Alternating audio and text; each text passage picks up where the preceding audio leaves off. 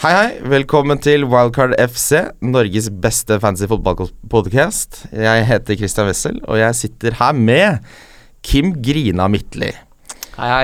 Hei, hei. Uh, dette er jo en merkedag på, på alle mulige måter, vil jeg si. Uh, vi har overtatt uh, rollene som ble, som ble besatt av skaper og legende Martin Sleipnes, og legende sidekick Jon Roar Solseth. Eh, men nå er det altså oss, Kim. Nå er det meg, nei.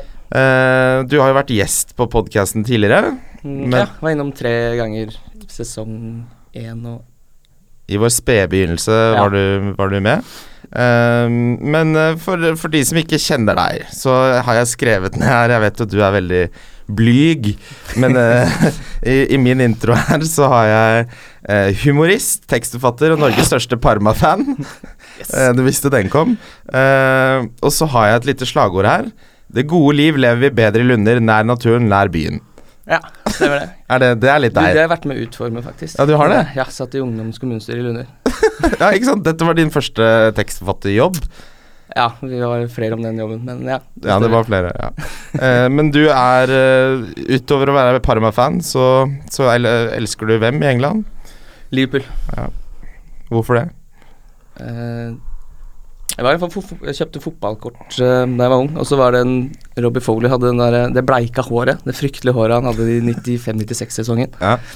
Så gikk jeg og viste det til onkelen min, så spurte jeg hvem, hvem er det her. Så sa han det er nye favorittspilleren din, det er Robbie Foley. Han skal du ha. Han skal ha.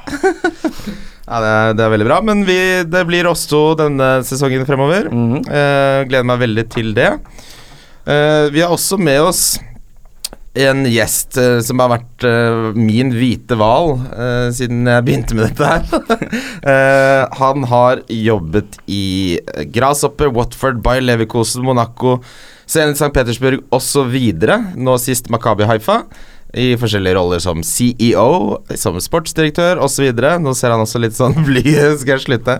En av Norges mest respekterte fotballmenn. Tor Christian Karlsen, velkommen skal du være. Tusen takk. Det har eh, alltid vært et litt sånn håp om å få deg med på en sånn preseason-podkast. snakke litt fag, som vi pleier å si i våre eh, sirkler. Eh, hva syns du hittil har vært den største overraskelsen i overgangsvinduet? Ja, altså det har blitt brukt veldig mye penger.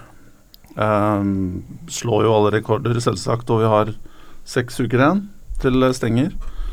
Så alt tyder på at det her blir eh, enda mer eh, heat utover eh, så, som mot sesongstart. Ehm, så jeg, jeg syns egentlig at det har blitt brukt veldig mye penger uten at det har blitt kjøpt så veldig mye. La oss si det på den måten her. Hvis det kanskje høres litt paradoksalt ut. Ja, nei, altså, det, For meg også virker det som at uh, alle prisene har steget med 50 Altså Ja. det, det, Si Kyle Walker, for eksempel, som nå koster 50-ish millioner pund. da Han hadde kosta 25 millioner pund uh, for et par sesonger siden, tror du Ja. ikke? Eller kanskje Kanskje ikke det engang. Ja. Men det er jo mange som spør meg hele tiden om det med, med prisene og hvorfor de altså Det er jo hvorfor de, de går eh, opp hele tiden og med så stor fart, men dette her er jo bare økonomi med inflasjon, og desto mer penger det er i systemet. Sånn er det kanskje på Fantasy òg, jeg vet ikke. Men om dere hadde fått 500 millioner å bruke i stedet for 50. Så måtte jo prisene steget Ja, deretter. Ja. Og sånn er det jo i realiteten òg. Ja. Mm, Hvem, eh, hvem syns dere har gjort det best eh, hittil, da? I overgangsvinduet, altså? Altså jeg, Vi kan jo komme inn på konkrete navn etterpå, men Ja. jeg ser på, jeg syns Everton har gjort uh, bra kjøp. Der syns jeg er spennende, spennende navn uh, som har kommet inn. Um, forventer litt mer fra, fra Manchester City ehm, og Chelsea, spesielt angrepsspillere. Så mens altså, Aguero er usikker, Diego Costa, ikke sant. Så Mm. at det kommer en ny spiss inn der på en av de to, det blir spennende. Uh, ellers så syns jeg det er som forventet, egentlig.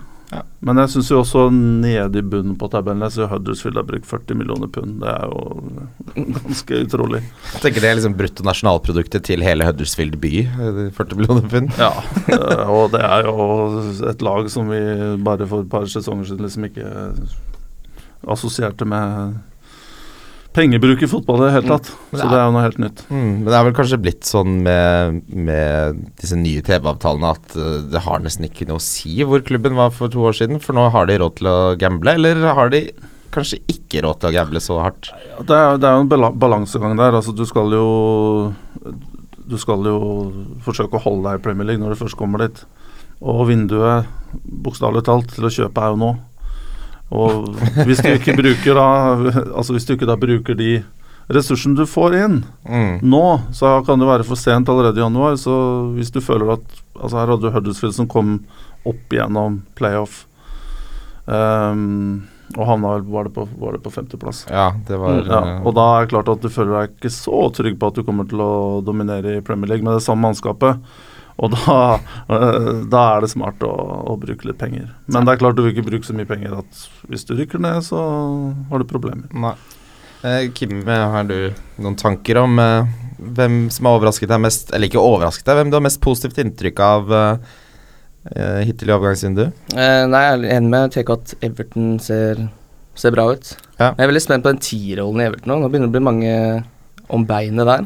Hva, hva Men er Ross Bartley, tror du han Nja, vi får nå se om han blir der. Jeg tror ikke han er Hvem er det som vil ha han? favoritten til Koman, men uh, Har Klasen ja, har blitt kjøpt, og han er veldig, veldig bra spiller. Tidligere. Ajax-kaptein og Ja, og landslagsspiller for Holland. Og det er jo en, den konteksten her, så kan det være interessant. Spiller har jo alltid nesten tosifra med mål og assist. Og, Ja. Men det er klart det er i Holland.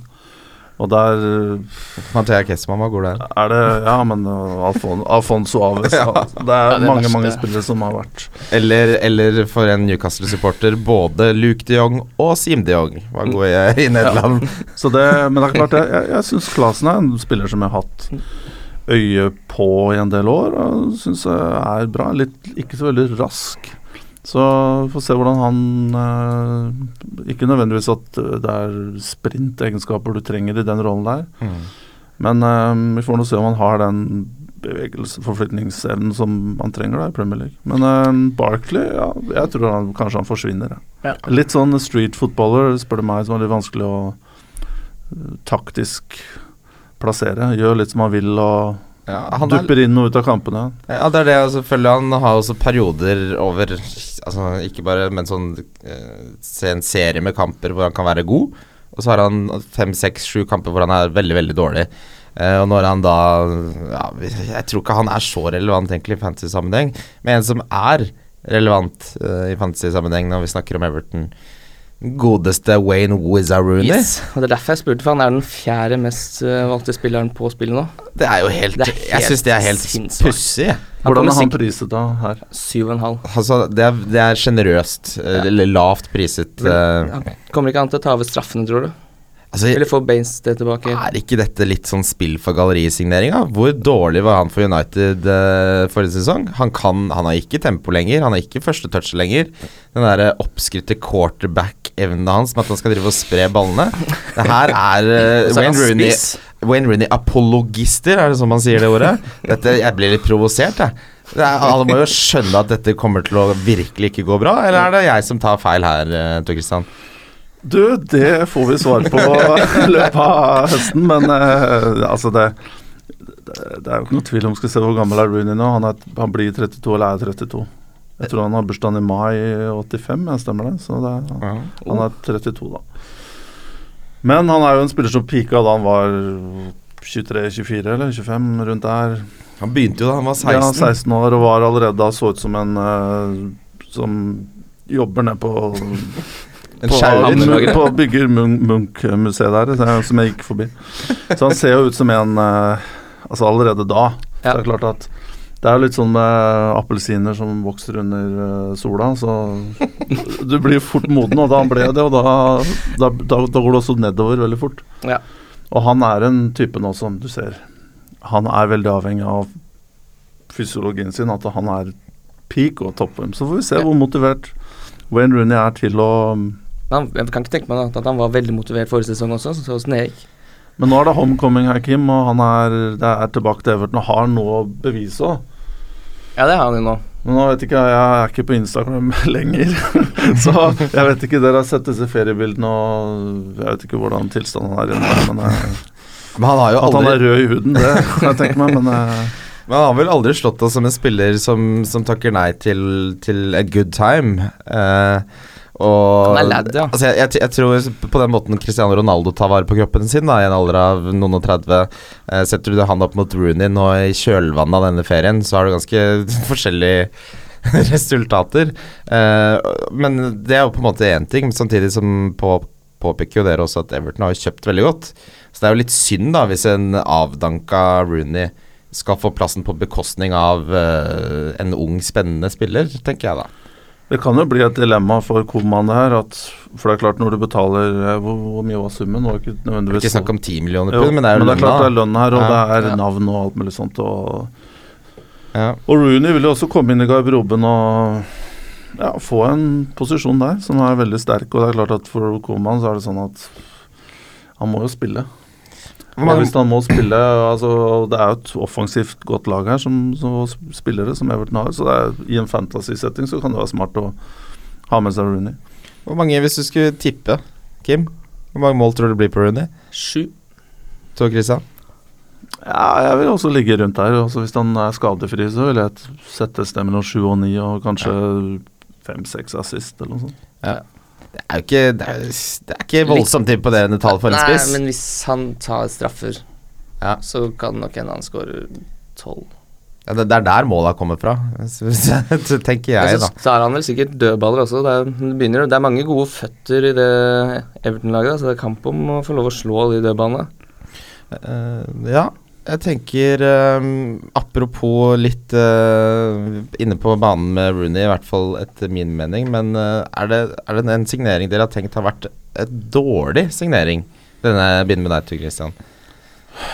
Altså, jeg kom hit med en liste over de jeg syns var bra, jeg. så jeg Men, eh, men vi kan godt Nei, altså, gå gjennom jeg, de jeg, bra, da. jeg kan bare trekke fram et par navn her som jeg har sånn litt spørsmålstegn ved. Ja, gjør det. Uh, eller ett. Jeg så mest på de, de store klubbene, altså de som endte i toppen. Mm. Um, jeg er ganske sikker på at Salah blir nyttig tilvekst for Liverpool. eh, om han får like stor Om han får like stor innflytelse i Premier League som i Roma. Har hatt veldig to veldig gode sesonger der. Det er jeg usikker på, men at han blir nyttig, det er helt, helt klart. Lacassette tror jeg også blir en hit. Mm. Det er jeg ikke bekymra over i noe særlig grad. Uh, jeg syns Kolas Kolasjniak, Mm. venstrebekken, ok, han kommer gratis um, til uh, Arsenal. Litt overraska over at de henter han. Jeg hadde ikke sett for meg han på det nivået der. Han kom jo litt ut av ingenting. Det var ikke så mange, i hvert fall norske Premier League-fans, som hadde hørt om han, tror jeg.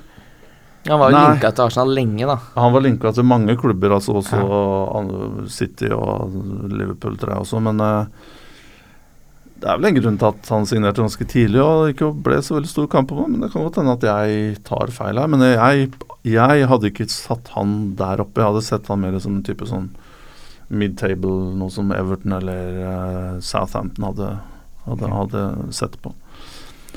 Jeg tror det er jeg, ble, jeg er veldig, veldig spent på Lindeløf i Manchester United. Mm. Ja, Hvordan- De har jakta han lenge. Eh, Ja. Det var jo egentlig snakk om et par overgangsvinduer. Han nærmest eh, ble meldt eh, som at han kom til å komme, på Twitteratet osv. Uh, nå har de jo endelig fått han. Tror du det blir førstevalg sammen med Bailly for Mourinho? Ja, jeg tror det. Ja. Jeg tror det. Og de har jo jobbet såpass hardt for å få han. Og han hadde vel ikke, heller ikke gått fra Benfica og Champions League og sånt uten garantier om at han er veldig, veldig høyt ønsket i, i den nye klubben. Mm. Eh, Så er det disse tingene med Altså, han har en og en halv god sesong i Benfica. Og portugisisk fotball igjen, vi var inne på det med Holland og sånne ting, er ikke sammenlignbart med Premier League. Nei.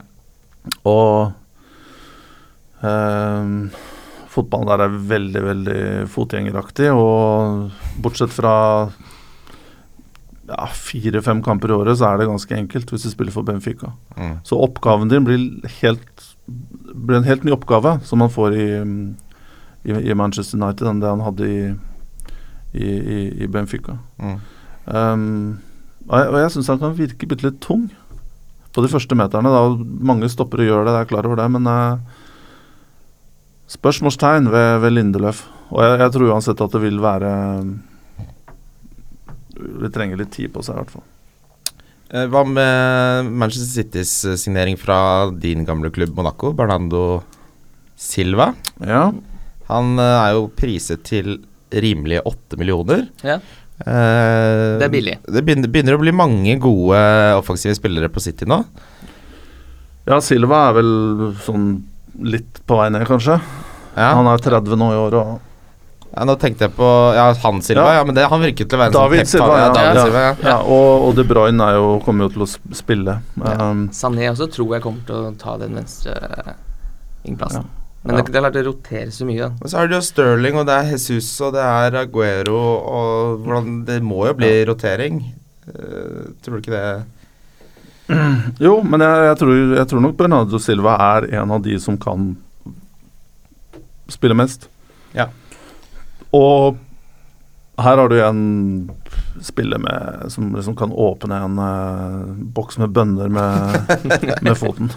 Og, og, og, en- og en mot én-egenskapene og uh, Altså uh, Det er jo Det er jo sånne spillere som gjør utrolig mye skade i Premier League. Ja. Og mot tunge britiske forsvarere. Så jeg, jeg tror han kommer til å bli en suksess. Og hvis jeg forstår prisingssystemet her, så, så høres det rimelig ut, ja. Ja. Ja, den dyreste er vel Dyreste Sanchez er med 12-5. Nei, det er Kane med 12-5. Ja, men på midtbanen. på midtbanen er Sanchez med 12, ja. Mm, 12. Eh, 12 stemmer. Mm. På Men Sanchez. er Sanchez er ned som midtbanespiller. Mm. Eh, men vi, vi, vi må snakke litt også om ikke bare de som er nylig ankommet, men altså, vanligvis så blir ikke dette så spekulativt, men i og med at eh, vi er i midten av juli, så syns jeg vi kan tillate oss det. Mm. Um, hva tenker du om, at, eh, om muligheten til at Aguero går til Chelsea? Er dette avismat, eller er det en reell mulighet? Eh, det er nok en reell mulighet, fordi det er jo ganske åpenbart at Diego Costa ikke går så veldig bra sammen med Conte. og at de broene mellom dem er, står i hvert fall i, i brann. det? er napalmbomba. Sånn, så, har du sett den Insta-historien? Nei. Så, altså Diego Costa er da på fylla, åpenbart, i Atletico Madrid-drakt og spiller bongotrommer sammen med et gateband. Dette er lagt ut på, på Instagram, som alle kan se. Dette var nå natt til i dag, liksom. Oi. Så det virker jo som han Hvis ikke de broene var brent, så tente han på et eller annet nå, i hvert fall. Eh, Men jeg har ikke helt fått med meg hva statusen på Atletico Madrid og ja, Dessverre, er, De har jo embargo, ikke sant? Så de, da må de i så fall enten la han spille for Chelsea fram til januar, øh, og så Men det tror jeg ikke Chelsea er interessert i. Eller hente han og bare ikke bruke han. Ja, eller Ja. bare hente han og ikke bruke han. Og så- få trene med, med laget. Mm. Nei, altså Det virker jo åpenbart at han skal bort. Og, og da må du se etter erstattere og ja, spisser. Hvem, hvem er det igjen der ute som, som er på markedet? Morata. Han virker, Det Ja. virker som alle som prøver seg på han, får beskjed om at han koster en milliard, eller noe sånt. For Altså, det- AC Milan i dag ble linka Ja. til Morata. Men hvis det vi sier at en Aguero-overgang fra City til Chelsea For meg så hørtes jo det ut som en helt umulighet, men uh, da, da må det jo være troen på Jesus, da, som er såpass stor i City-leiren at de velger å la Aguero gå. Altså, vi er, Det blir jo et spill, det her, og det blir en dominoeffekt. Og Ja. nå kikker de hverandre i, i øynene og, og venter på første til å gjøre movet. Altså, det er jo snakk om også Alexis Sanchez. Mm. Mm. Og det er klart Det virker som at han vil til Manchester City. Eller han vil ha en bedre kontrakt i Arsenal. Så han, han vil vinne uansett. Mm. Og det er klart at hvis han hvis City få signaler om at Sanchez kommer, så kan de jo la Aguero på en måte dytte han litt ut av døra, og så Men Chelsea må kanskje kvitte seg først med Diego Costa for at det spillet her skal gå opp, da. Ja. Ja. Så Men det er klart det der Atletico-situasjonen der kompliserer jo hele matematikken her. Men altså, nå har vi jo også sånne new kids on the block her. Du nevnte jo Milan og Inter, eh, nyrike, eller hva skal vi si Gjenrike klubber. Det var jo, dette er jo storheter som har våknet. Som kanskje kan komme på banen her Mm. og melde seg på. Men eh, det virker jo som at det er en eller annen issue med Guardiola kontra Guero, og de ikke er verdens beste venner.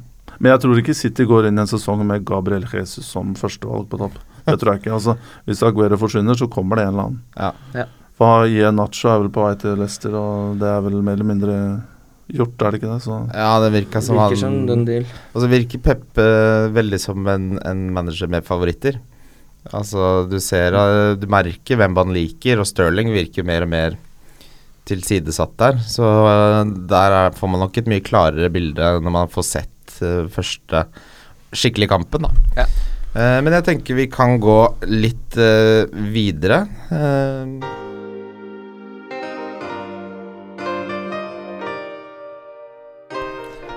Også denne sesongen så har vi gleden av å samarbeide med NordicBet, kåret til beste bookmaker. Eh, det går da ut på at eh, den med høyest poengsum hver runde vinner en eh, valgfri drakt. Og så har vi to saftige hovedpremier. Det er da den som leder til, altså første i første, eh, vinner en valgfri fotballtur til England. Det er da reise, opphold og kampbilletter til to personer.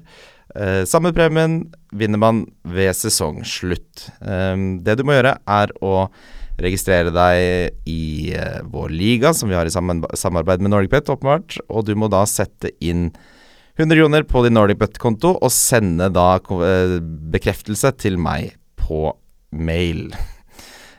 All den informasjonen og alt av det praktiske kommer til å ligge på vår Facebook-side, Wildcard FC på Facebook.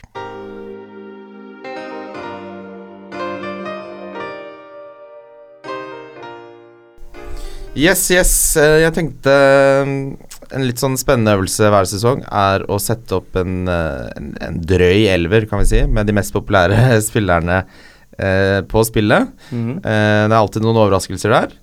Eh, keeper er jo Vi kan gå, gå litt gjennom keeperplassen først, for det er ikke så interessant, syns jeg. Jeg har jo alltid vært tilhenger av å ha en billig eh, keeperoppsetning, altså å kjøre en fra enten et relativt eh, Hva skal vi si Et lag du forventer å være på midten eller bunnstriden, og, og, eller en fra et nyopprykket lag. Tror jeg aldri har hatt en keeper som eh, er mer enn 4,5. Nei. Eh, og der. For jeg kan forklare til deg da Kristian er keeper, får da poeng i forhold nullen, åpenbart. Eh, men også for antall redninger. Eh, så ofte kan det lønne seg å ha en fra et lag som møter mye skudd, istedenfor en Tom Ja. I fjor, for ja, istedenfor en Courtois som står og får kanskje ett skudd på, mot seg på, på hele kampen. Men holder nullen. Men ja, altså Holder nullen er jo ideelt, ikke sant. Men det, da må man se eller spekulere litt. Men over tid så ser vi jo det at det er svært liten forskjell på de dyreste keeperne, og hvis du velger en riktig rimeligere en ja. Kan jeg hoppe inn her? ja, ja, klart det. Altså i, i, I den reelle verden så er det faktisk også en ganske stor diskusjon om keeperens rolle Ja. På, på et lag. Det er mange som hevder at først skaff deg en god keeper, og så bygg lag. Mm. Um, og at det er så veldig avgjørende. Jeg er usikker på det. Altså, Hvis du har et bedre lag både offensivt og defensivt med stoppere, så for det første så er det jo utvikle godt team først, og godt lag. For da holder du ballen og slipper å gi fra den. Og da slipper i hvert fall ikke inn mål. Klopp ser ut til å bry seg litt lite om den keeperplassen. Ja. Ja, det er kanskje mangel på Det virker som han prøvde Karius, og så bare Nei, vi, det gikk ikke. Vi går tilbake til Mignolet. Men den ideen med at liksom du kan ha mediokre spillere ute, men en fantastisk keeper som stenger mål, Mm. det, det, ja, det, det er jeg ikke helt med på. Nei. Og hvis jeg har en keeper, men nå snakker jeg non-fantasy, Ja, ja, det- reality det må være lov. Hvis jeg har en keeper som bare tar det han bør ta, sånn og er teknisk god og ikke gjør store feil, så føler jeg, at, føler jeg meg ganske trygg. Altså, så lenge man ikke har eh, Claudio Bravo i mål. Ja, men han tar jo ikke det han, det han, han skal ta. Nettopp. nettopp Ja. Så lenge man ikke er på Mm. det så dårlige nivå, så, så utgjør kanskje keeperen mindre forskjell Ja. enn det folk tror. Når det er sagt, det mest populære keeperen på spillet er eh, David De Gea. Eh, Det er jo, sier seg jo litt selv, egentlig. Han Courtois hadde vel 17 clinches hver forrige sesong. Uh, nei, det, altså Chelsea og Spurs hadde 17 hver. Så hadde United 16. Sånn var det. Um, men vår Altså min anbefaling, da, av det jeg har sittet og tenkt på hittil, er å kjøre um, noe så enkelt som at du kjører første- og andrekeeperen fra ett lag, for da sparer du penger, Mm. og du har alltid en keeper. Ulempen er selvfølgelig at du da må følge kampprogrammet til det ene laget. Men Foster fra Ja. West Bromwich til 4,5. Boaz Myhill, eh, som da blir andre valget. Eh, og så har vi jo da også i Newcastle eh, en litt sånn rar keepersituasjon, fordi det- Benitez liker verken eh, Tim Krull eller um, Mats Sells, som, som ble kjøpt inn. Så de vi står igjen med da, er Carl Darlow og, og Rob Elliot. Rob Elliot uh, har eh, blitt foretrukket nå i preseason, så det er, da har du den billigste alternativet som er mulig, altså fire, Fire. Ja. fire millioner. Uh, har du gjort deg noen tanker om keeperoppsett, Kim? Eh, ja, jeg har tenkt å gjøre det sånn som deg, eventuelt. Å kjøre West Brom i hvert fall ja, åtte første rundene. Kan man eventuelt bytte også, for det er ikke noe stor prisstigning på eventuelt reservekeeperne uansett. Ja, er, du glad, er du glad i å bruke bytter på keepere? Jeg gjorde det i fjor, Ja, men det var mest Tom Heaton som sto. mest Tom Heaton. Ja. Sånn Jeg har også vurdert å bare kjøpe Jeg Bare ha en andre keeper, rett og slett. For det der keeperbyttet, det syns jeg nesten er det mest kinkig. Det er veldig sjeldent eh, jeg ser på laget mitt og tenker her trenger jeg bare å bytte keeperen. Mm. Det er gjerne andre presserende eh, behov som alltid har en tendens til, til å oppstå. Eh, men eh, vi kan komme litt mer tilbake til keeperoppsett når vi har litt klarere bilder på det. Så jeg tenker vi går over til forsvarsspillere. Og her må jeg si jeg ble litt overrasket. For de to mest populære forsvarsspillerne på spillet, det er David Louise og eh, godeste Daniels fra Bournemouth. Ja. De har da ja, 19,6 og 19,2 eierandel. Daniels koster fem, gjør han ikke det? Det stemmer. De Samme som Ake, som, eh, som også ble kjøpt inn der. Men Ja. David Louis er- han koster jo da 6 millioner, som er billigere enn alle de andre Chelsea-forsvarerne. Men de Eh, har styrka seg ganske mye defensive Bournemouth, da, med Begovic og Ake. Ja. Så det er jo ikke så dumt, egentlig. Jeg kan nesten skjønne litt. Ja. Pluss at han produserte jo mye målpoeng uh, i fjor. Så jeg har sett på han, men jeg har han ikke på laget mitt nå. Han, Men jeg var også innom han. han hadde en tendens til å, til å skaffe seg poeng. Mm. Uh, Og så er forsvarsspillerne fryktelig dyre i år. ja, Jeg, ser, jeg vet ikke om jeg har råd til å spille i år. Jeg. Det er jo mange som har kommentert uh, at prisnivået virker til å ha gått uh, veldig opp. Vi har jo Mm. Alonso som koster eh, syv millioner nå. Ja, Eh, galskap. men det er også mange som har gjort den observasjonen at hvis du ser på antall poeng, så, så er jo verdien for forsvarsspillerne veldig høy. Mm. Eh, men det virker som eh, vi kvier oss for å investere bak, og syns det er mer attraktivt. Det er Det er nok. sånn det er motsatt, som du snakket om i stad, med keeper og sånn. Når du skal bygge opp et lag IRL, så er det liksom bygge bakfra og så fremover, men fancy så er det motsatt. Ja. Du starter på topp, og så får forsvarsspillerne blir det som blir igjen. Du toaster jo budsjettet ditt på spiss og midtbane, og så henter du billige forsvarsspillere. Så er Men i år så må du kanskje snu litt på det. Ja, for det, er, det har vært uh, en tanke jeg har gjort meg også, at det virker til å være veldig verdi i å f.eks. spille 4-4-2 eller 4-3-3. Mm. Uh, for å få råd til de offensive man vil, og kanskje ha litt mer verdi bak. Vi har jo nå uh, som, som Walker har gått til City, så er jo Kieran Trippier en veldig populær eh, spiller. Uh, jeg så en stat på at han hadde 50% mer vellykkede innlegg enn Walker, så det virker jo som at Porcetino rett og slett har tenkt ja, da selger vi Walker og har en som jeg liker. Han Mm. foretrakk jo han bl.a. også i, mot slutten i de store kampene. For du tror ikke de henter en, en ny som vil gå inn som et klart førstevalg I Tottenham? i Tottenham? Nei, det tror jeg ikke. Nei, ikke Jeg sant? tror- Så han er en no-brainer, egentlig. Tror jeg jeg. tror, tror de har troa på han. Men det ser ut som at City går med en plan om å hente en høyrebekk til. uh, Danilo blir nevnt nå fra Real Madrid. Ja. Og de har jo hele tiden nesten Altså At de skal ha to kvalitetsbekker. Ja. på Og- begge sider. Og det er jo utrolig frustrerende for oss som spiller fancy.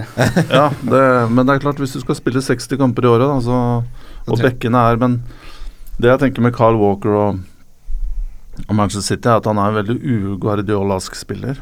Som ofte skal ha spille Altså ha med bekkene til å bygge opp spillet og trekke inn i banen noen ganger osv. Walker er jo bare for meg en atlet. Altså Han kunne vært 100-metersprinter, og ja, fotballevne er jo ikke de mest imponerende, syns jeg. Nei, ikke sant. Det var jo lenge nesten en, Han var nesten en litt sånn løpende joke i dobbel betydning. Han er sånn tut og kjør-spiller. Eh, at eh, han, altså når han setter, setter på sprinten, så, så går det fort. Men hvor ballen havner, var litt som så som så. Men uh, for meg så tenker jeg at Kieran Trippier var det første navnet jeg så på Mm, bak. En annen forsvarsspiller som, som jeg har tenkt er interessant, er Cedric Suárez i Southampton. De har jo Mm. nå bytta manager, så jeg tenkte jeg skulle spørre deg litt om uh, han med det navnet som forvirrer mange, Pellegrino. Eh, tidligere Alaves-manager i La Liga. Uh, har du noen tanker om han, Tor Christian? Jeg kjenner ikke han så veldig godt, men jeg bare, bare Jeg husker han som spiller. Ja. Ja. Og mm, jeg har hørt, hørt gode ting om han. Ja. Og det er klart han har vært assistenten til Benitez og spilt i store klubber og hadde vel også noen oppdrag i Argentina som ikke gikk fullt så bra, men det er umulig å måle folk på karrieren der. Simione var jo Hadde var vel også innom et par klubber der før han gikk og trente i Europa. Mm. Uh, du, Gjennomsnittslevetiden til en trener der er vel sånn ca. to måneder. Men, uh, men uh, det tror jeg kan være Altså De som kjenner spansk fotball, prater, gir gode referanser på han. Mm. Men uh, i den grad man skal Altså jeg skal kaste meg på en taktisk diskusjon om fantasy, og det bør jeg egentlig ikke gjøre, for jeg vet ingenting om det. Kjør, Så kan jeg jo eller, altså, Jeg bare tenker sånn Bare begynner å resonnere ut fra det lille jeg hører her. Mm. Så tenker jeg at det er veldig vanskelig å finne spillere i dag som scorer mye mål fra Altså forsvarsspillere som scorer fra set pieces. Jeg så noe statistikk på at det har falt veldig, da. Um, om det har med at man er flinkere til å forsvare seg, eller Ja, det er vel sannsynligvis det. Eneste forklaringen på det. Eller om uh, stopperne har blitt dårligere til å heade. Generelt så har fotballspillere blitt dårligere til å heade fotball. Det um, er en observasjon. Det, teknikken med å heade bra er døende kunst. Men jeg ser på et par spillere her som kanskje kan være um, interessante. Det er jo Michael Keane, Mm. som har gått til uh, Everton. Jeg tror Everton Altså han kontra Fornes Mori. Mm. Han er ikke du noen tilhenger av? Nei, men jeg forstår også Han skårte jo har jo, er jo en av de få som faktisk har skåret litt fra set pieces. Mm. Uh, men det er klart, du kjøper jo ikke en forsvarsspiller pga. på grunn av det.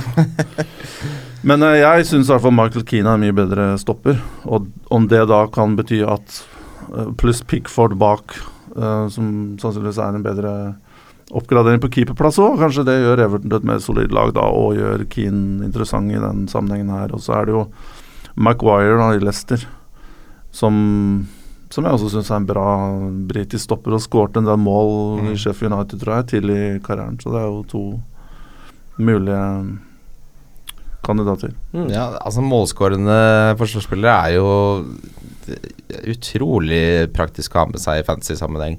Eh, for det, det blir fort mye poeng. Hvis de holder nullen og skårer et mål, så er man oppe i 15 poeng. Eh, Alonso var jo da den desidert mest skårende. Gary Cahill var oppe på og snuste på den tronen også, av en eller annen grunn. Han hadde en Mm. periode hvor det ble mye mål. Og så er det jo disse West Bromwich-stopperne Ja. som alltid skårer mye mål. Dawson er jo helt hvil på hodet. Og Gareth McAuley, som Yes. er 38 år gammel. Han spiller i Premier League og skårer mål. Det er litt sånn, Jeg føler av og til at West Bromwich ikke er et ekte lag. At de eksisterer i en sånn Boeing-realitet, hvor de liksom bare kan skrive inn narrativet til å passe det de passer, som passer deg best. Men nå, nå bare for å ta det. Ja. Jeg, jeg, tror nok, eh, jeg tror nok West Brom kommer til å bli en annen eller altså utvi, ut, Utvikle seg, innvikle seg, det får vi se. Men eh, jeg tror ikke de kommer til å være den klubben de er så veldig lenge. Det er nye eiere, kinesere, som vil ha vil, altså, La oss si West Bromwich går inn i en periode hvor skårer lite mål og spiller lite underholdende fotball. Det er ikke samme for en kineser som en businessman som Jeremy Peace var. Og så, så jeg, jeg tror det konseptet som West Bromwich har hatt nå de siste fem-seks årene, som har holdt dem oppe, tror jeg kanskje kan være noe vi ser slutten av akkurat nå. Ja, det, blir vel siste Pulis-sesongen, tror du ikke det?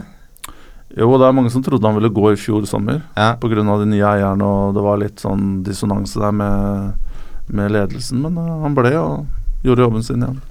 Det er litt interessant, eh, bare sånn uh, en liten stat der, at når Pulis lag har kommet over 40 poeng, Så er det virkelig da er ferien booka, og nye Hawaii-skjorter er innkjøpt, og det er ikke Det er liksom det er der han setter lista, og det virker Mm. som er det, Tror du da han har innprenta så mye i spillerne sine at de switcher mentalt helt av? For det er jo snakk om det er én seier av 20 eller et eller annet sånt, nå får du overdrive der, men det er virkelig en ekstrem drop-off der etter nådde 40 poeng. Mm. Uh, og som du er inne på, uh, det er jo selvfølgelig langt frem i tid, men de har kanskje litt større mål enn som så, Å drive og karre seg opp til 40, og der skal man ligge. Ja, altså Bør de ha det? Ja, bør de, bør de ha det? Altså, alle kan ikke være i Champions League. Og det Så Ja. jeg tror, eh, jeg tror West Bromwich gjør det smart med å, med å gjøre det sånn som de gjør det. Det er sunt drevet, men det er klart det er, Jeg er ikke å se på det laget uke inn og uke ut. Nei. Og må sitte der i påsken og utover vinteren og se alle disse 0-0 og 0-1-kampene. Men uh. Avslutte med uh, Som jeg så på Altså, de mest populære fotballspillerne Nei, forsvarsspillerne. Fotballspillere er de også. Så en, en liten Angel Rangel hadde sneket seg med på topp fem der. Han er en, en, han er en av få Det er 15 spillere som koster fire Fire millioner. Ja. Men han, han starter jo ikke. Nei, han fikk 21 poeng i fjor, så han er liksom den fra fjorårssesongen som har seg mest poeng av de billigspillerne. Så det er lagfyll, da, mer eller mindre. Ja, det vil jeg tro. Så sånn, kanskje han spiller, så er, kan han komme inn fra benk. Ja, for meg, så, det liksom virkelig brenner. for meg så er dette et symptom på hvor desperate vi managere er etter å finne fire millioner. Ja, folk har ikke penger. Folk har ikke penger. Det, er, det står, det står Altså, hvis vi Det står dårlig stilt. står dårlig stilt, men uh, vi har jo prøvd å lete, Kim. Ja. Fant vi noen til fire millioner som vi tror kommer til å starte? Niks. Det er ikke Det er ingen, rett og slett. Nei. Og da er vi oppe på 4,5 millioner, hvor Mm. det blir litt bedre, men uh, vi, vi snakker fortsatt Ben Me fra, fra Burnley. Mm. Jeg hadde jo Ward i store deler av uh, fjorårssesongen. Husker det? Han fikk en del poeng, han. Ja, han fikk ikke så mye heller. han bare lå på laget, og så bare dura det inn to poeng, to poeng, to poeng. Så bare sånn, men fordi heaten fikk så mye poeng, så bare skjedde det et eller annet oppi hjernen min med at det var sånn Ja, men det her er ikke så verst. Ja. Så bare Så begynte jeg å gå igjennom, så bare sånn Han får jo bare to, to, to, to, for de slipper jo bare De slipper jo alltid inn. Men Ja. heaten hadde jo ni og tolv redninger uh, annenhver kamp. Mm. Så det er det var der poengene kom, ikke fordi de holdt nullen. Og så er vi jo Du var inne på det, Tor Christian, at uh, Michael Keane er jo solgt. Og det, han gjorde nok Mm. det forsvaret vesentlig bedre enn det kommer til å være denne sesongen. Det, det er klart Når du mister en så god midtstopper, så påvirker det hele, hele den bakre fireren. Uh, når det gjelder da fire millioner punds forsvarsspillere, det, så, så må vi rett og slett vente og se. Ja. Uh, det, er, eh, det er umulig å finne en nå. Eh, blant Newcastle så kan vi jo nevne nysigneringen Le Jeu. Uttalte jeg det riktig? Det er Le, Le Jeune, Le Jeune, ja. den unge. Den unge. Han, han var vi ute etter lenge. lenge. Uh, har du noen tanker om han, uh, Jeg har heller ikke sett så veldig mye. Jeg kikka litt på jeg- nå nå i helgen, før jeg skulle komme hit. Og det er jo en spiller som har spilt mesteparten av karrieren i andredivisjon i, i Spania. Mm. Um, var innom Manchester City av en eller annen merkelig grunn.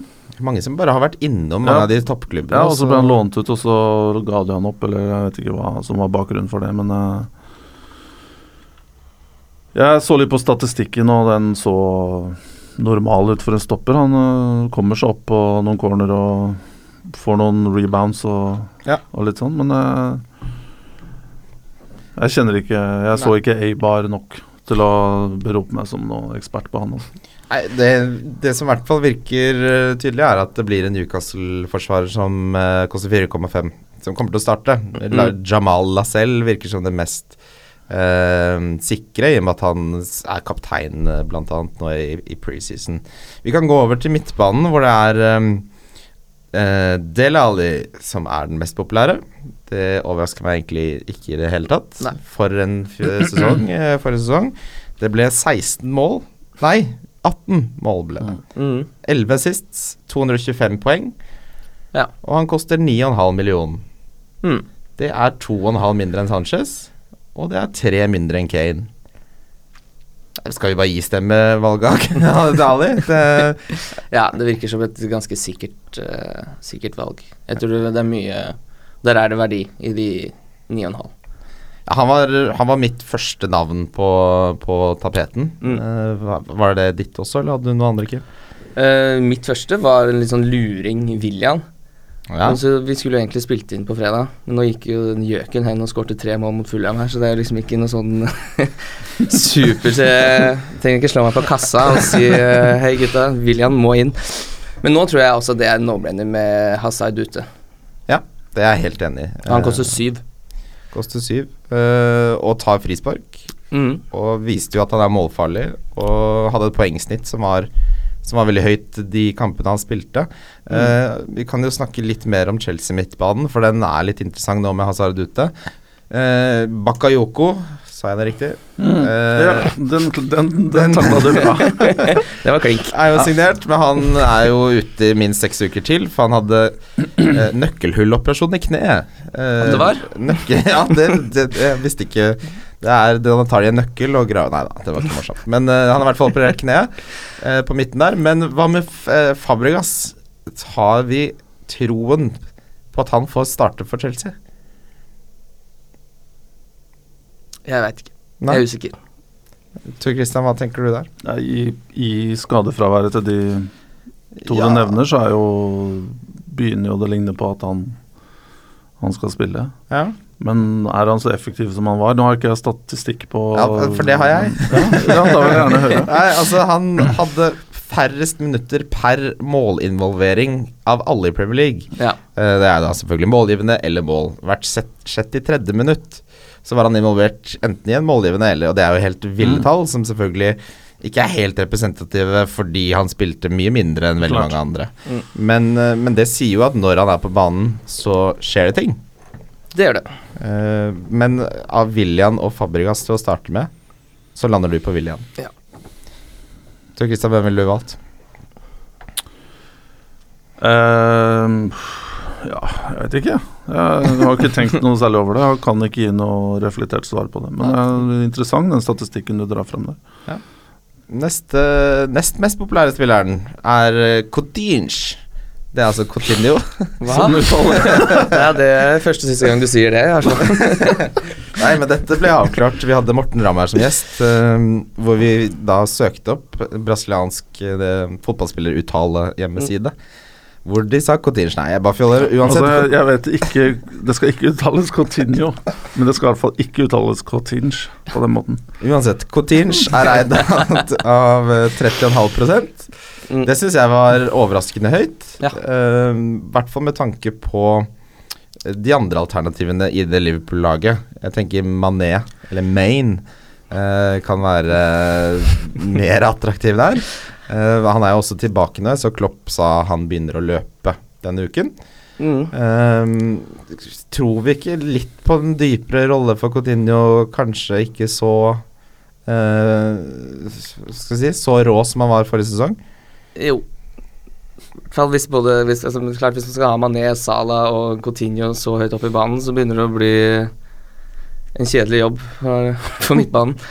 Ja. Så Men uh, bare lynkjapt også, hvorfor er Femino spiss i år? Ja, det syns jeg også er litt Det er vel fordi han spilte hvis Sanchez fortsatt uh, skal være midtbanespiller. Ja, det, de er ikke helt konsekvente på klassifiseringen der. Hvem er det som gjør det her? Dette er uh, Fantasy Towers, som- vi kaller det. Det er her i Norge, eller? Nei, det er i England Ja, ok. eh, som, uh, som sitter, og, sitter og holder på. Men Firmino som spiss, tenker jeg da er han helt uaktuell for meg. Ja, men han kommer sikkert til å spille Tror du ikke han kommer til å ta den spisserollen i Liverpool?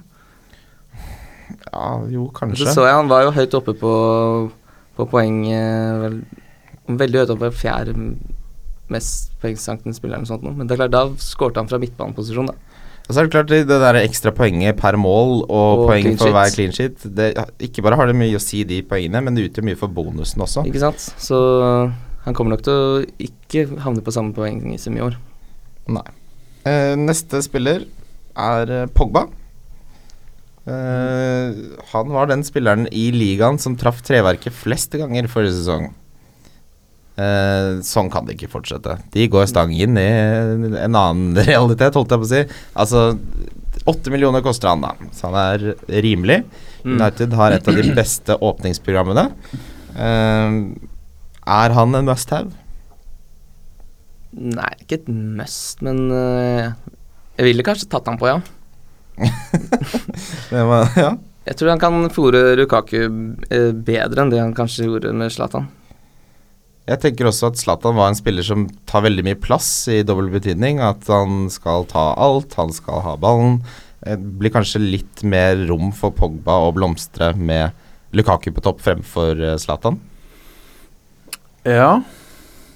Nå er jo ikke Nå skal det sies at Lukaku er vel ikke den Altså, Ibrahimovic er vel mer en oppspillsspiller. Altså Mm. bedre til å sette opp andre og gå i de riktige rommene. Og hvis du har Hvis du har mye ball, og det kommer Manchester United til å ha på hjemmebane Altså Lukaku ser jeg mer på Jeg syns han er mer effektiv på kontringer og når han kan utfordre med farten og bulldose seg framover.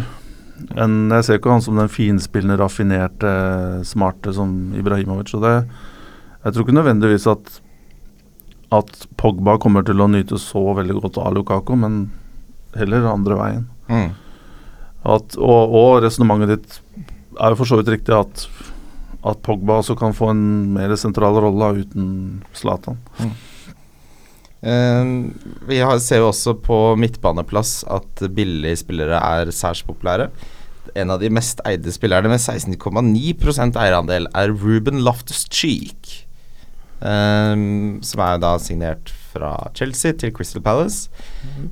Tror vi han blir hos Start? uh, jeg, jeg er usikker. Jeg har ikke sett altså jeg, jeg kjenner jo en del av de spillerne der fra en generasjon til uh, Chelsea som vant Euro, Euro, den der Champions League For to ganger, to ganger på rad. Solanki og han Loftus Cheek og flere av de andre som nå har forsvunnet fra Chelsea. Men jeg, har ikke, altså jeg syns Loftus Cheek er veldig, veldig, veldig treg. Mm. Og ok, han er veldig flott å se på. Han spiller med hodet opp og er elegant og kan slå lange pasninger Men han er ikke veldig dynamisk og, og, og, og Han er heller ikke en typisk åtter på midtbanen som kommer på dype løp og kommer seg inn i boksen og avslutter og sånn. Så jeg vet ikke i den sammenhengen her om han er så veldig interessant. Men han koster 4,5, da. Så han er jo Ja, det, altså det er det Ja, billigste billig. startene Hvis Ja. vi tror han starter, så er det det billigste start, startprisen. Mm. Uh, men det fins jo også da andre alternativer til den prisen. Det har jo begynt å vise seg. Jeg så uh, høydepunkter fra en Swansea-treningskamp her, hvor uh, Sigurdsson er jo da ikke med. For han uh, vil ønsker seg bort, mest Mm. sannsynlig til Everton.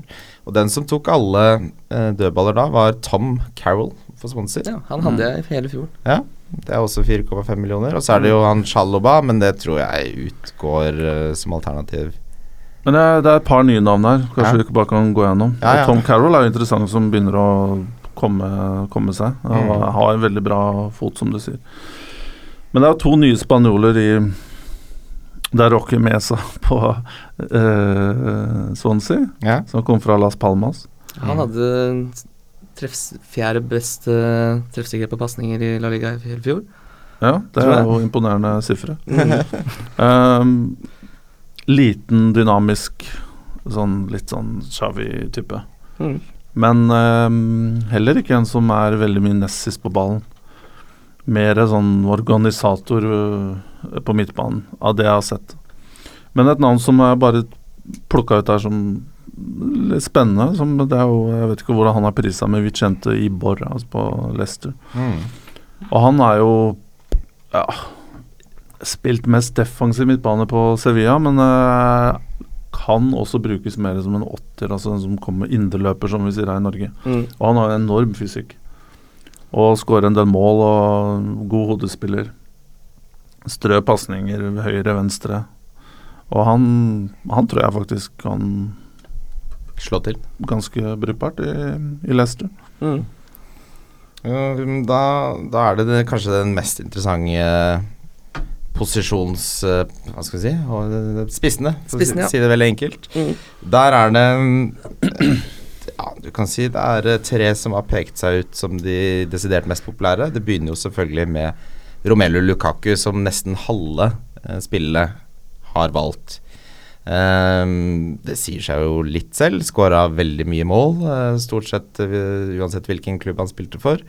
Nå har gått til United. Ehm, hvor tro, god tror vi han kommer til å være i sin nye klubb? Han har vel gått opp 1,5 mill. i pris kontra fjoråret. Ja, 11,5 Ja, jeg tror ikke han kommer til å skåre noe mer mål i United enn det han gjorde i Everton. Men han Men han jo ligger mellom 20 og 25, det tror jeg. Ja, altså det er jo ene spørsmål Er han en oppgradering eh, på, til Zlatan? Um, har jo ikke, han har, har jo ikke den altså nå, han, Og så er det det med press. Altså, ok, Everton er en stor klubb, men Manchester United er en enorm klubb. mm. Hvordan håndterer du det? For Zlatan så var det en formalitet. Det, det, det visste han veldig godt. Han, han ble Manchester United, han. Ja.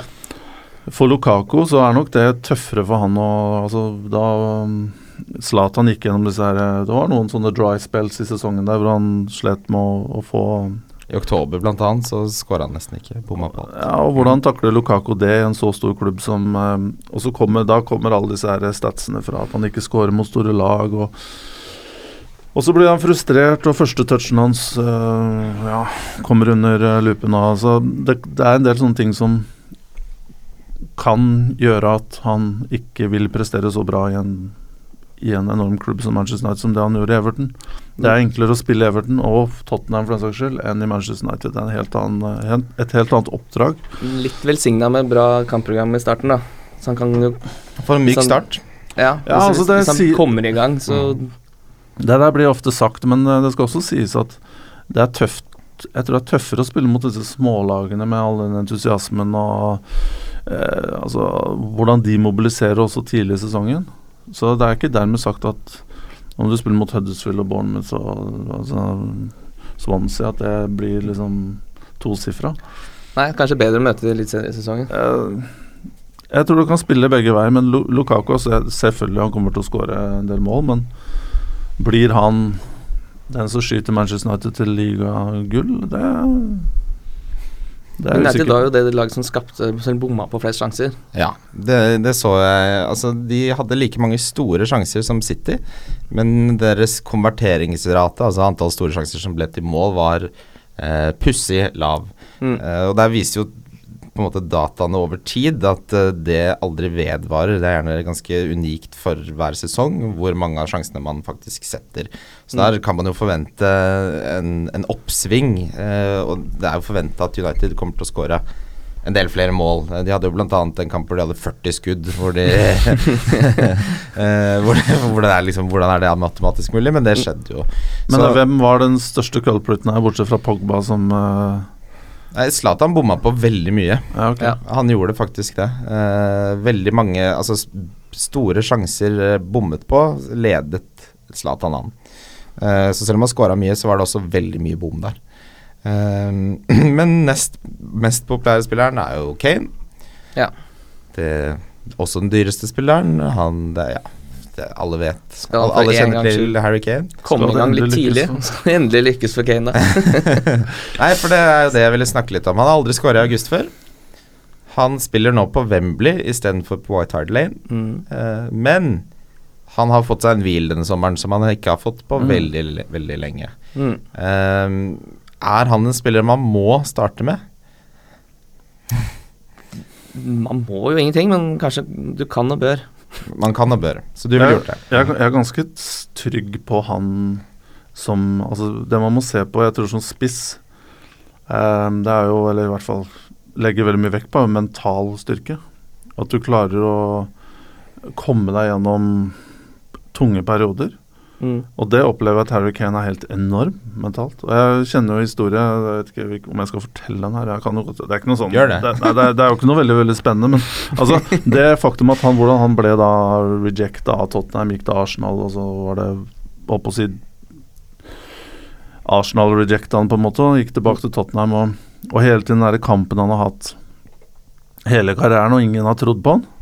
Og liksom akkurat når folk har holdt på å gi opp, så kommer Kane tilbake og tilbake og tilbake. Og det var jo sånn i fjor, og han hadde en liten Drought. Ja, og da er han der, for han gjør det. Han vet akkurat hva som skal til for å, for å lykkes. Og han har en enorm mental styrke, så han føler jeg meg ganske trygg på i den konteksten her. Ja, da tenker jeg at Og han eh, gjør ingenting. Han, han, altså han baserer ikke spillet sitt på liksom ting som som, som bare går inn hvis du har litt flaks. Og, altså han går på de samme løpene, han har det samme som mønsteret i spillet sitt. En sånn morsom spiller å ha på fancy-laget sitt, fordi han, han scorer plutselig ut av ingenting ved å bare plukke opp ballen på sånn 30 meter og fyre fra 20, og så, så sitter han klink i hjørnet. Han er en enorm avslutter fra 25 og inn. Litt sånn Suárez var i Liverpool en periode, hvor bare, han bare går inn og henter ballen, og så bestemmer han seg for at nå skal jeg skåre mål. Så han, må, han, er ikke avhengig, han er ikke så avhengig av de spillerne rundt seg til enhver tid. Han kan Mm. faktisk ta litt tak på egen hånd, da. Ja, for Med deres resonnement da, så tenker jeg at i og med at han er eh, såpass populær, det er så mange som har han, og med den høyeste prisen, så er det jo mye smartere å starte med han enn å risikere å måtte eh, virkelig gå drastisk til verks for å få han inn. Ja, for da må eh, du kanskje toaste wildcardet ditt, da. Ikke sant? Det er, det er jo, du tar jo en ganske stor eh, beslutning hvis du går uten. Mm. Um, For da må det rokeres? da må det rokeres. Uh, da er det siste Eller de to siste spissene jeg har lyst til å snakke om, er jo da begynner med Lacassette. Eh, Jeg må jo ærlig innrømme at det eneste jeg kjenner til Lacassette fra, er Fifa og Football Manager. Så min, min evne til å uttale meg om han er basert på fiktive dataspillstats. Men du, Torkistan, Uh, kjenner forhåpentligvis bedre til uh, har ikke eh, gått under radaren din. Lacassette. Nei, altså ja, Det er jo Altså det har jo egentlig bare vært et tidsspørsmål for han skal bort fra Lyon. Da Det har dratt ut veldig. trodde jo alle Ja, altså han Det var en periode hvor Han hadde jo en enorm sesong for Var det den første, altså da han slo igjennom. Mm. Og så gikk det litt trådere da, eh, året etter. Og da var han jo linka til eh, Da ville jo Lyon selge han i januarvinduet, så det blir januar 2016. Og da var det mulig å få Lacassette rundt 25-30 millioner eh, euro, eh, pund. Og da var det sånn type Newcastle-klubber rundt eh, der som, som snusa på han. Det var ikke interessant for spilleren, visstnok. Um, og etter det så begynte han å Etter at januarvinduet var, var closed i 2016, så begynte han å plukke opp igjen. Kanskje han fikk en liten sånn aha. Nei, men jeg tror heller sånn at nå, er, nå må jeg være her i Lyon, jeg må altså fokusere på, på det som er foran meg.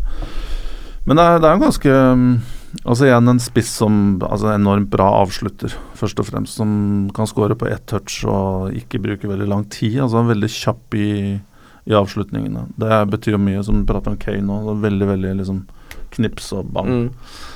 Um, og det er en spiss som uh, egentlig altså har sin styrke i bevegelser. Komme seg inn i gode posisjoner, for så å avslutte. Ikke et sånt Jeg, har jeg har lest det er folk som hevder at han har et godt oppspillspunkt. Det har ikke jeg sett. Uh, I hvert fall ikke sammenligna med, med Giroud. Mm. Men han har kanskje en bedre førsteforsvarer enn Giroud. Altså han er bedre til å tracke back og sette motstandernes stopper under press og sånn. Men eh, i Arsenal så får du så gode arbeidsforutsetninger, og du har spillere bak og ved siden av som kommer til å gi deg så mye stikkballer og ting å arbeide med. Og det er så mye bevegelse rundt deg, du får plass, at jeg tror han kommer til å Kommer til å skåre mye mål. Ja. Da, vi var inne på litt uh, tidligere eh, Altså å konvertere sjanser til mål. Der var han eh, desidert best i La Liga, på snuste på 30% som er Mm. veldig veldig høyt. I tillegg til at han har skåra 26 av 28 straffer. Uh, så vil jo vi vil jo tro at han da tar straffene for Arsenal. Uh, så med så gode arbeidsvilkår, straffer, setter stort sett sjansene sine. Det er en spiller som er ekstremt eh, attraktiv. Mm. Og jeg tror at Arsenal kommer til å få en veldig bra sesong. Um, mest fordi nå er usikkerheten rundt Wenger uh, avklart. Han blir to år til, minst. Jeg var ikke ute og meldte på Twitter at du trodde de kom til å vinne ligaen i år? Jo, jeg tror de fort kan gjøre det. Det Og, og, og, jeg, og jeg tror um, Altså Jeg tror det kommer til å komme en eller to spillere til av veldig bra kaliber. Og det faktum at de ikke skal spille Champions League. Ja, det har alltid veldig Ja, mye å si. Det ser ser på- vi hver sesong. Ja, du så Chelsea i fjor, som garantert ikke hadde hatt den samme sesongen med, med, med Champions League-spill. Samtidig så tror jeg lufta Chelsea-ballong kommer til å gå litt ut. Sånn blir det etter en sånn sesong som de har hatt. Og Conte er en veldig krevende sånn fyr som alltid er på deg. Og da tror jeg Arsenal kan være en av de lagene som sniker seg inn i, i, i det vakuumet bak der, og kan bli veldig skumle.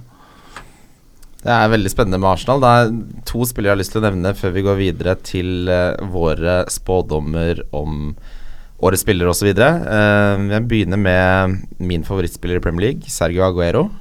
Eh, ikke vært så populær, ikke blitt nevnt så mye som han pleier denne sesongen. Eh, hva er dine forventninger til Aguero, Kim? Uh, at han kommer til å fortsette å banke en goaler, men han er jo Han har vel aldri Vet ikke om dette her stemmer, men jeg tror han aldri har vært på årets lag i Premier League. Det stemmer. Fordi han aldri eh, spiller full sesong. Og det tror jeg ikke han kommer til å gjøre i år heller. Men øh, kanskje få han inn Hva koster han da? Han koster øh, nå er jeg, ikke, jeg lurer på om det er ti og en halv, eller Ja, han har gått ned i pris. Ja. Uh, han kosta tolv forrige sesong og har gått nå Mm. ned i pris.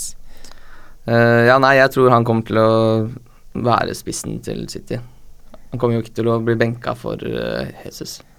Så Jesus kan jo spille på kanten også, tenker Så jeg. nei, jeg tror han er en spiller som kommer til å bøtte inn mål for, uh, for uh, Og City. bon. Bonny er jo tilbake nå. ja, ja, ikke glem Tenk at han sitter og tjener en mill. i uka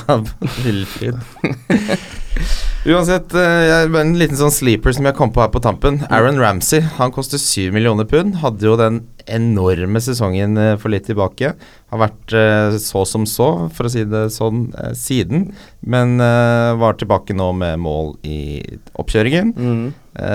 Kan det være kjempeverdi for å komme inn i Arsenal midtbanen? Ja, det tror jeg. Hvis han finner tilbake Men han var jo mye skada også. Så klart Hvis han får nå en bra oppkjøring og får spilt seg der, så er det jo mange spillere som kan være Om han ikke kommer til kanskje til å score så mye, så kom, er det jo mange gode spillere å servere kula til på det Arsenal-laget. Og det er klart, sju, det er, det er billig. Det er billig. Det er, det er mange Et spillere lag rundt der. Tor Christian Karlsen tror kan vinne ligaen. Ja, og hvis du gjør det, så Så er nok han med og bidrar. Ja.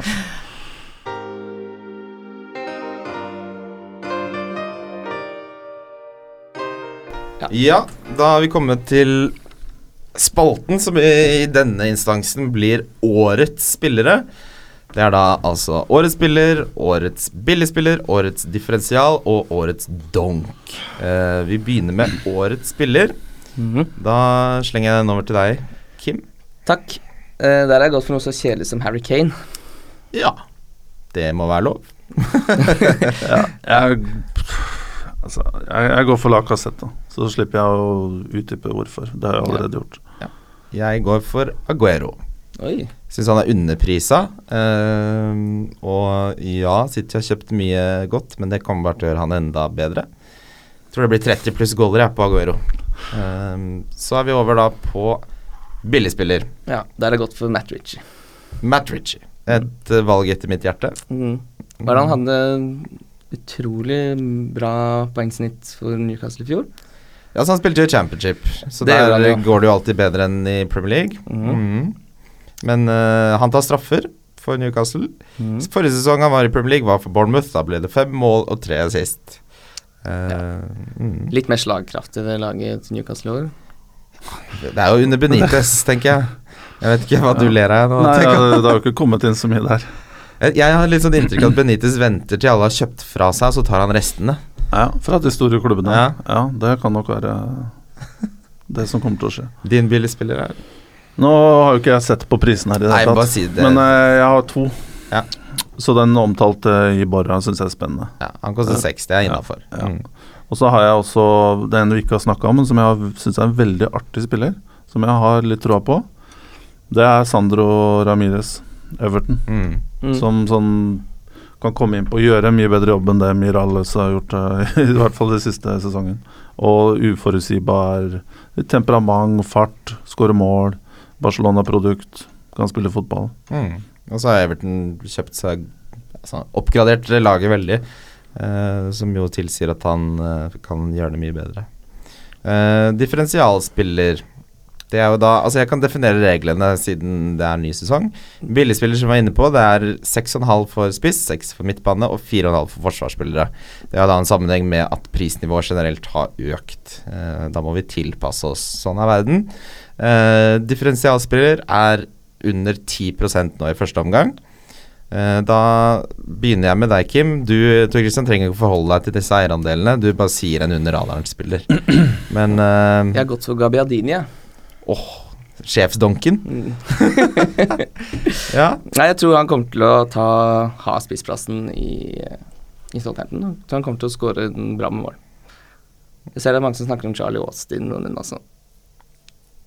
Kom, han kommer jo til å være skada. Han hører hjemme i League One og på puben og fish and chips, altså.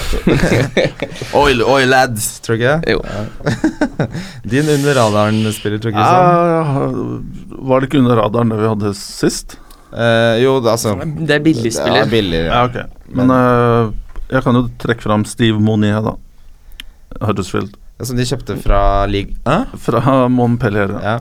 Han er eh, veldig interessant. Uh, Midtspiss uh, imponerte meg. For han blir jo startet også for Ja, det vil jeg gå fra når Huddersfield bruker over 10 millioner pund, så De, han skåra første kampen for Huddersfield. Nå Ja. oppkjøring skåra han. Det er alltid bra tegn. Uh, min under radaren er eh, Aaron Ramsey. Det Mm. er en eierandel på 6,3 Koster 7 millioner. Hadde en legendarisk fantasy-sesong, eh, eller om det var to eller tre sesonger siden. Hvor han, ja, hvor det, det, det, der tror jeg det er enorm oppside. Um, og så den mest interessante, kanskje, syns jeg. Årets donk. Uh, der begynner jeg selv, for jeg har lyst til å si det navnet først. Det kan, så, sånne fritid kan jeg ta meg. Det blir Wayne Rooney, det. Det er årets donk. Jeg har Wayne Rooney sjøl. det er lov. Ja. Nei, altså Alt er jo relativt. Det er ikke bare det at han er, liksom er den fjerde mest valgte spilleren Ja, altså, uansett posisjon. Ja. Er jo helt vilt. hadde, hadde nesten ingen hatt han, så kunne det vært én ting, men 20 Mm. Er én av fem, det. Det er for mange. Ja. Nei, jeg tenker jo at jeg, jeg, jeg tenker jo at Det høres litt rart ut, men jeg, altså, alt er jo relativt, som jeg sier. At det er jo Man må jo se i forhold til fjoråret. Mm. Og jeg tror Chelsea ikke kommer til å ha en nødvendigvis til å rykke ned. Men jeg tror ikke de kommer til å gjøre det så bra i år som de gjorde i fjor. Og da tror jeg vil jeg gå for en Chelsea-spiller som vil være symbolet på at de ikke Ja. lykkes. Men altså, Diego Costa er jo frå, fry, øh, fryst ut. Mm. Mm. Hvis de ikke får en ny spiss, det vet vi jo ikke, da er det jo Mishi Batshuayi som eventuelt Mm. skal starte, da, eller? Og da Jeg har ikke veldig stor tro på han. Eh, Men eh, at, at, at Chelsea vil skuffe, at så jeg vil trekke trekk fram en Chelsea-spiller, tror jeg. Hazard, tør du, tør du gå så langt? Nei, han, han øh, Når er han forventet tilbake? Litt sånn etter første landslagspausen-aktig. Ja. Det- Men Altså, jeg tror ikke han kommer til å ha en så utrolig sesong som i fjor, men han har jo så store kvaliteter at man, han aldri kan bli klassifisert som en flopp. Ja. Men ok. Nå tenker ikke jeg fantasy så Nei, men Chelsea rent som lag, da. Ikke Ja. sant? At hele laget kommer til å lide Årets donk, Chelsea. Ja, ja. Da har vi kommet til veis ende. Um, tusen takk for at du var med, Kim. Bare hyggelig. Ja. Tusen takk for at du var med, Tor Christian. Det var hyggelig. Det var sannsynligvis første og siste gang. Nei, fysj. Når Arsenal vinner ligaen, da er du tilbake igjen. Eh, tusen takk for oss. Ha det. Ha det godt.